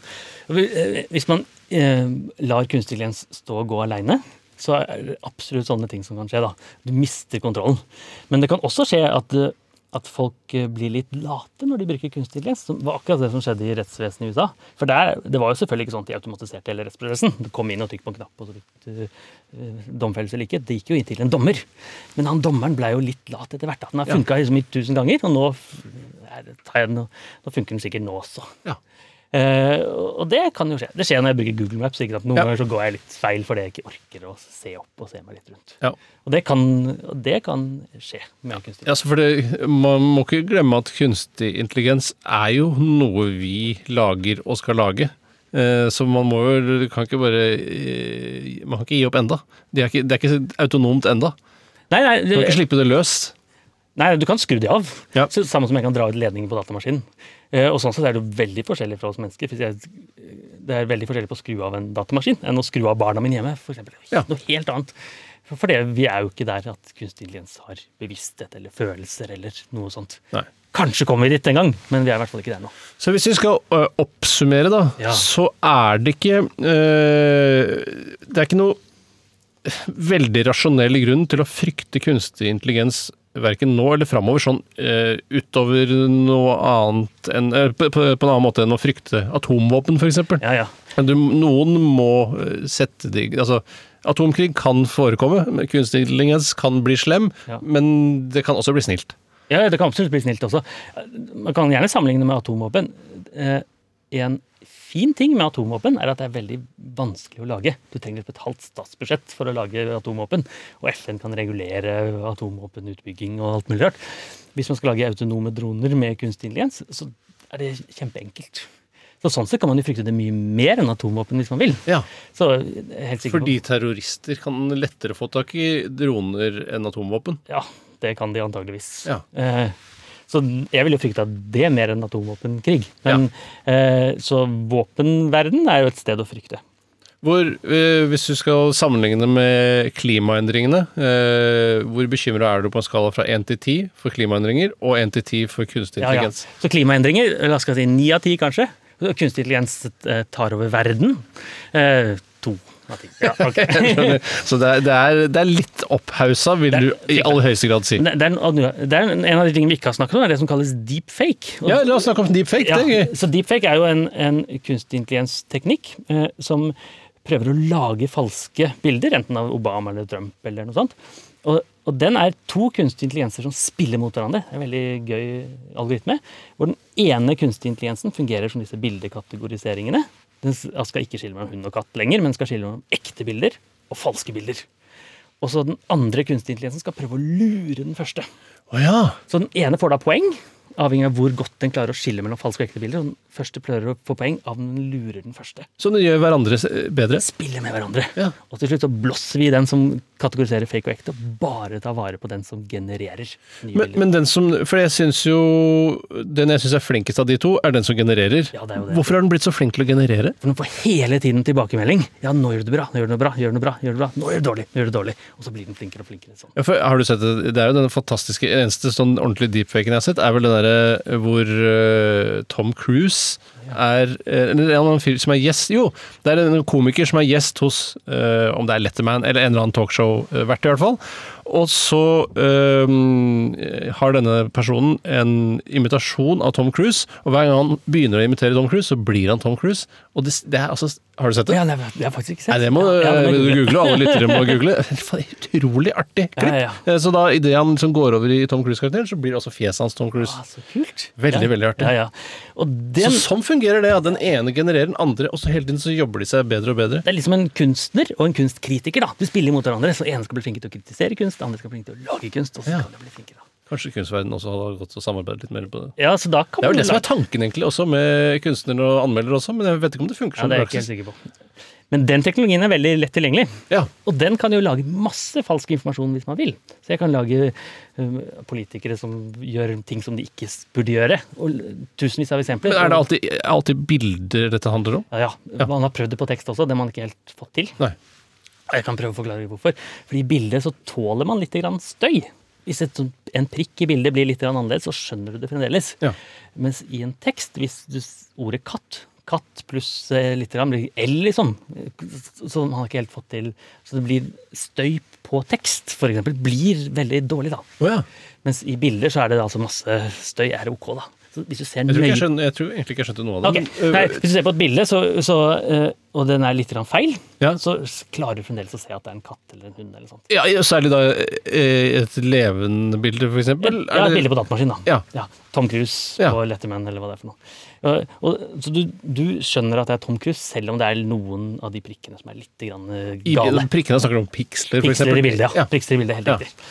Eh, Så det tåler man i bilder. Når man har forsøkt å gjøre det samme i tekst, så kan man endre litt på noen ord i teksten, og da gir teksten absolutt ikke mening i det hele tatt. Mm. Ja. Hvis man endrer på noen av pikslene i bildet, så gir det mening. Hvis du endrer på noen eh, bokstavene i teksten, så gir det ikke mening. Men har det noe med at et, Det lærte man jo da man drev med data på begynnelsen av 90-tallet, at bildet var altfor mye informasjon, og det tok jo utrolig lang tid å laste ned. At det er egentlig mer enn det man trenger for å oppfatte Ja, ja, hva det er. Mens en tekst var veldig enkelt. Ja, det bildet er jo ikke veldig komprimert, som vi sier, da, mens en tekst er det. Ja, Hvis du fjerner et par ord i teksten, så kan du miste helt poenget. i ja nettopp. nettopp. Så det funker ikke, det. Men det er mange som prøver å gjøre det på tekst også. Og Ja. det fins jo noen som genererer falske tekster, men basert på en annen teknikk. Sånn uh, bot som du møter når du skal, øh, er på flyselskapet sine hjemmesider eller i banken, er det kunstig intelligens? Noen av de kan være det. For det er veldig lett å lure de, fordi det er sånn der jeg, pleier, jeg hater når jeg kommer Det står sånn Hei! Jeg er DNB sin nye bot! Spør meg om hva som helst! Og da pleier jeg bare å skrive. Og da ser du Jeg skjønner ikke hva du mener! Jeg setter deg over til en kundekonsulent. Ja, ja, det er lurt. Så der, det var Turing-testen for den båten. i fall. ikke der. Så den som har fått det best til, er Elon Musk sin OpenAI. Oh, ja. Det, han har en organisasjon som heter OpenAI, som har ment at kunstig intelligens skal være åpen og tilgjengelig for alle. Og han har lagd en algoritme som heter GPT2. Han burde ha hjelp av litt markedsføringsfolk, men det er liksom det den heter. ja. Og den lager eh, tekst, falsk tekst, ganske bra.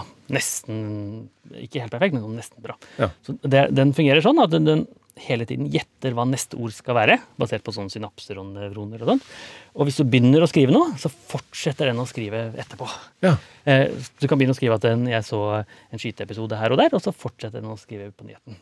Ja, nettopp. Og Elon Musk sa en periode i hvert fall at denne har jeg ikke lyst til å lansere åpent ut, fordi jeg tror det kan komme så mye falske nyheter ut fra den der. Ja. Og så fikk jo han masse kritikk i forskningsverden, for hvis du er open AI, så må du i hvert fall være åpen og presentere algoritmene dine. Ja, så- så til slutt så har han lansert den ut, da. Snikskryt, nesten. Ja, det er litt det, Ja. kanskje. Men er eh, Elon Musk Er han på en måte eh, Er han en dyktig dataingeniør? Er det, er, er, Han går han for å være bra, liksom? Han er, eh, han er nok dyktig til å eh, snakke om de filosofiske tingene rundt data. Han si er det veldig opptatt av at eh, på eh, Wikipedia-siden hans står det at han er en businessmann, og det vil han ha seg frabedt, så vidt jeg har Ja. forstått. Ok. Eh, så, så, men han er Han er litt mer businessmann, er pratemann. han han, han er en sånn eh, businessmogul, står det der, og det er sånn det er det dummeste jeg har lest. Jeg er bare en fyr som prøver å lage eh, Programmerer og lage biler og rakettprogram og sånne ting. Men han, har han en høy stjerne i liksom Nei, han er, nok, han, er er nok, nei, han er nok litt mer uglesett. Er han det? Ja, ja. Så det var en krangel mellom eh, Elon Musk og sjefen for Facebook, det er Mark Zuckerberg. Han er høy stjerne. Han er, stjerne. Han er høyere, mye høyere stjerne. Om hva kunstig intelligens er, og hva det skal brukes til, og hva det kan fryktes. Og Elon Musk var jo den, da. Vi er redd for at verden blir tatt over av kunstig intelligens, mens Mark Zuckerberg er litt mer datanerd-typen. Ja. Så vi kunstig intelligens er verktøy som gjør noen ganger fantastiske ting, som selger reklame, som det er det han gjør. Eller, men vi kan jo vente litt med å få den store panikken. Mark Zuckerberg står jo bak eh, eh, brexit og Donald Trumps eh, seier i presidentvalget i 2016, så han har jo litt mer svin på skogen enn det Elon Musk har også. Det kan du si. Eh, Og Kanskje han til og med har lavere moral, for alt jeg vet. det kan godt være. Eller amoral, at han ikke bryr seg. Ja. Og mye av dette var jo kunstig intelligens-basert. ja, for det var jo det, ikke sant? Ja, for det er politisk reklame som er basert på kunstig intelligens, treffer veldig nøyaktig akkurat de som har en tendens til å stemme på det andre partiet, da. Ja, for jeg fikk inntrykk av at under brexit så klarte de å finne noen velgere ved hjelp av Facebook, Ja, ja, ja. som vanligvis ikke stemte, men som de skjønte ville stemme for brexit hvis de faktisk stemte. Og alt dette er kunstig intelligens-basert. Er det det, ja? Ja, og, og, og det er jo frykten, da. At det er Facebook som er den dominerende makten i kunstig intelligensverden For Fordi de kan gjøre sånne ting. Men du vil jo si at his eh, hvis man skal lese historien i framtiden, så, så bør det være et kapittel om at Facebook hadde delvis skyld i dette? Ja, jeg, ja det vil, de spilte i hvert fall en rolle, Ja. vil jeg jo påstå. Og kanskje ikke på en positiv måte. Nei, så for sånn sett kan man jo si at uh, kunstig intelligens er litt skummelt. Ja, ja, det er i hvert fall skummelt i feil hender, Ja. kan, du, kan godt si. Ja, nettopp. Eh, ja. og, det morsomme med brexit, var det ikke det? Brexit hvor det mest googlede dagen etter brexit var, i England var 'What is the European Union?' Ja. Så det er sånn at det, eh, folk eh, har jo en tendens til å ikke bare de skjønte, Mange skjønte ikke hva det var, så spør de den anonyme roboten, Google, Ja. om hva EU er. For det, er noe anonymt og noe fint og sånt der. Egentlig en slags oppsummering som forteller at noe kunstig intelligens er enda smartere enn ikke-kunstig intelligens også. I og med at det sitter da såpass ja, mange ja. briter der og ikke skjønner noen ting, mens til og med Google eh, klarer å forklare det. Hmm. Ja, og det er jo det vi ser litt i de robotene. Man har jo en tendens til, Når jeg underviser studentene mine, så sier jeg at det, det finnes ikke dumme spørsmål. Men det finnes jo masse dumme spørsmål, ikke sant? Helt klart. Og, og man Det tok mange år for meg før jeg forsto at det var bare måte å få folk til å stille spørsmål på. Men det er det man ser med Google, og det er det man ser med noen av de snakkerobotene også. Man åpner seg litt mer. Ja. I psykologien har man testet kunstig intelligens. Og så er et kjent eksperiment i California hvor man sa til halvparten av de som kom fra Irak-krigen, at du snakker med en psykologirobot, men bak den psykologiroboten så sitter et menneske. Og så blir halvparten fortalt at eh, det, du snakker med en psykologirobot, men den roboten er eh, bare en robot. Og de som snakker med roboten, åpnet seg veldig mye mer enn de som trodde de snakket med mennesker. menneske. Men Hva var teknologien her? Var det liksom som DNB sin kundeservice? Den var nok antakeligvis litt bedre, men eh, den er en kunstig intelligensbasert system som skal spørre ja, hvordan går det med det. Det er ganske overraskende, må jeg si. Det er litt overraskende, men det er jo den anonyme tingen med teknologi som gjør at folk googler hva EU er. Ja. For du vet at bak en psykolog så er det også et menneske som gjør seg sine tanker. Og sitter og dømmer deg, kanskje. Sannsynligvis. Eller disse handlesituasjonene du snakket om. Tendensen er at man kjøper mer potetgull og brus hvis man går i denne automatiske kassen, eller hvis man går og ser et annet menneske i øynene. Ja. Fordi det er litt, litt eh, skamfullt å kjøpe fire pakk cola og to pose potetgull. Litt sånn som når man er full. eh, man, Ja. man har ikke lyst på hummerskum da, man har lyst på kebab. ja. ja, jeg skjønner. Så eh, litt skummelt fant vi jo ut på slutten der at Ja, det var, da. Um, noe annet hvis vi skal oppsummere. Jeg syns jo jeg er i hvert fall veldig beroliget på Ja, én ja, måte. Eller, for jeg hadde nok en Jeg tror nok kanskje også mange hadde en annen bekymring for hva kunstig intelligens kunne være for uh, av en trussel. Ja, ja. Uh, mens det på en måte er litt mer Trump og brexit, og ikke så mye eh, at det bare kommer en hær av roboter marsjerende eh, innover grensa, liksom. ja, det er nok eh, veldig lenge til. Ja, det tror jeg. Ja, eh, og kanskje det da også, som du sier, at da kommer det en hær fra andre siden som skal kjempe mot de også, mens vi kan sitte hjemme og heve borgerlønn og spise kebab. Det ville vært en drømmesituasjon, da. Vi sitter her og får penger og gjør akkurat hva vi vil, og så kriger to robothærer. Ja, det kan jo være sånn Avataren din er i strid nå ved Bjørkelangen mot den svenske hæren, Men det er ikke noe fare for deg, men Det er Sverige du vil angripe, da, altså? Eller? Ja, Ja, vi vet jo ikke hvordan eh, verdensforholdene er langt langt inn i framtiden. ja riktig. Vi vet like mye om det som om kunstig intelligens. Ja, ja. Kanskje enda mindre, til og med. Eh, noe annet vi burde si i vår oppsummering uh, før du skal dra tilbake til Universitetet i Agder, Morten? Ja, nei, si det. Det, det er i hvert fall eh, Kunstig intelligens er i hvert fall verktøy som fungerer veldig godt i noen ting, men til andre ting ikke fullt så godt. Ja. Og, når vi sammenligner med oss mennesker, så er det kanskje en litt eh, dårlig sammenligning. For det vi er, det er, dataprogrammet er noe helt annet enn oss mennesker. Og så tar vi oss med at Elon Musk er litt eh, overvurdert. Eh, Ja, kan du si. er det, hvem er det som er den absolutte superstjernen innenfor kunstig intelligens? Ja, det, eh, det var en trio som vant det som heter Turingprisen i fjor. Det er sånn Nobelprisen i data, da, på en måte. En som heter Jeffrey Hinton, som nå jobber hos Google. En som heter Jan LeCun, som er sjefen for eh, Facebook AI. Og en som heter Joshua Benjo. Så det er en trio. Det kalles eh, AI-mafiaen. For de er så Og alle, alle jobber i Silicon Valley, eller? Ja, nesten. Ja, Joshua Benjo har, henger igjen etterpå, men eh, de to andre gjør det. Ja, nettopp, ja. Og det er de virkelig store stjernene innen kunstig intelligens. Så de sitter på hver sin tue der og, og kjemper om å få den beste AI-en? De, ja, de er mye samarbeid eh, de imellom, men det er, eh, de sitter og eh, dominerer kunstig intelligens-verden. De er store stjerner i kunstig intelligens. Jeg skal følge med på de, da. Ja, det får du gjøre. Eh, Morten Goodwin, det var veldig, veldig gøy å ha deg på besøk. Tusen takk. Veldig hyggelig å være her. Eh, du må komme tilbake når det har kommet en utvikling innenfor kunstig intelligens, Ja, for jeg er veldig spent på å høre hvordan det går. Okay. Eh, så får vi håpe da at ikke denne AGI-en, som jeg Eller den som er hakket over òg, Ja, superintelligensen, ja. Mm. superintelligensen. Ja, den som er mer enn Ja. eh, den generelle intelligensen. Mm. Det er vel en generell også, uh, greie at det, det er ikke noe sånn jo bedre uh, AI, jo mer redd burde man være. Det er ikke noe automatikk i heller. Nei, eh, ja, hvis man er på nivå med sånn superintelligens, så burde man jo være litt redd, for da vil det være en veldig forskjell i intelligensnivået mellom eh, eh, kunstig intelligensen og oss mennesker, på samme måte som det er mellom oss og maur eller oss og aper. Men du blir ikke slemme jo mer, jo mer intelligens du har. Nei, men de, nei, det blir nødvendigvis ikke. Men det de, det de kan bli, da, det er jo det som heter Det som vil være amoralske. At de ikke bryr seg om oss i det hele tatt. De Ja. har ikke noe moral. Eh, for det, vi har, det er flere som har prøvd å lage moralske systemer, men det, det klarer man ikke. Det er litt vanskelig, da. Og så er det litt sånn Moralske systemet varierer vel litt rundt omkring i verden også. Og mm, varierer over tid. Ja. Det som var moralsk riktig for 100 år siden, er i hvert fall ikke det i dag. Ja. Slaveri og kvinnestemmerett og sånt, det er sånne ting som, man, som er galt i dag, da, men som var mer riktig for 100 år siden. Ja, men det klarer jo da en eh, superintelligent eh, kunstig intelligens å lære seg selv. Ja, man skulle tro, jeg håper det i hvert fall, at den kan klare å lære seg disse moralske prinsippene. Kanskje kan bli mer moralsk enn oss, og kanskje fortelle oss da, av hva som er moralsk riktig. Det er ikke noen grunn til at det skal være vanskeligere å lære de moral enn å lære de andre ting. Nei, men det er ingen som har gjort det ennå. Nettopp. Når det gjelder f.eks. ting som sjakk, så er det gjort. Ja. Og så løser man sjakk, og så kan Magnus Carlsen spørre hva er et godt sjakktrekk, og så kan han trene seg opp. Men det er ingen som har trent opp moralske systemer. Og litt for det, hvordan skal man da gi poeng?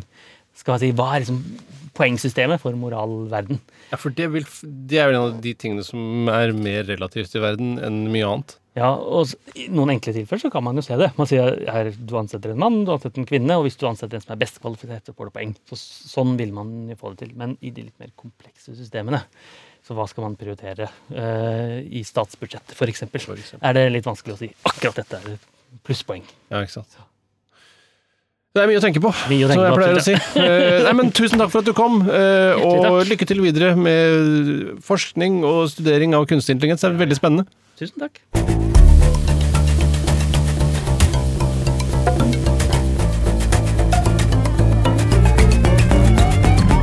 Du har hørt en podkast fra NRK. Hør flere podkaster og din favorittkanal i appen NRK Radio. Hei! Jeg heter Grete Strøm, og jeg har laga podkastserien Boksringenes herre. Den handler om den lille hanken som han åpna brusbokser med. Blant annet. Den handler om ganske mye mer også, faktisk. Det her høres kanskje litt rart ut. Men Boksringenes herre vant Pri Europa for beste podkastserie i 2019. Hør den i appen NRK Radio.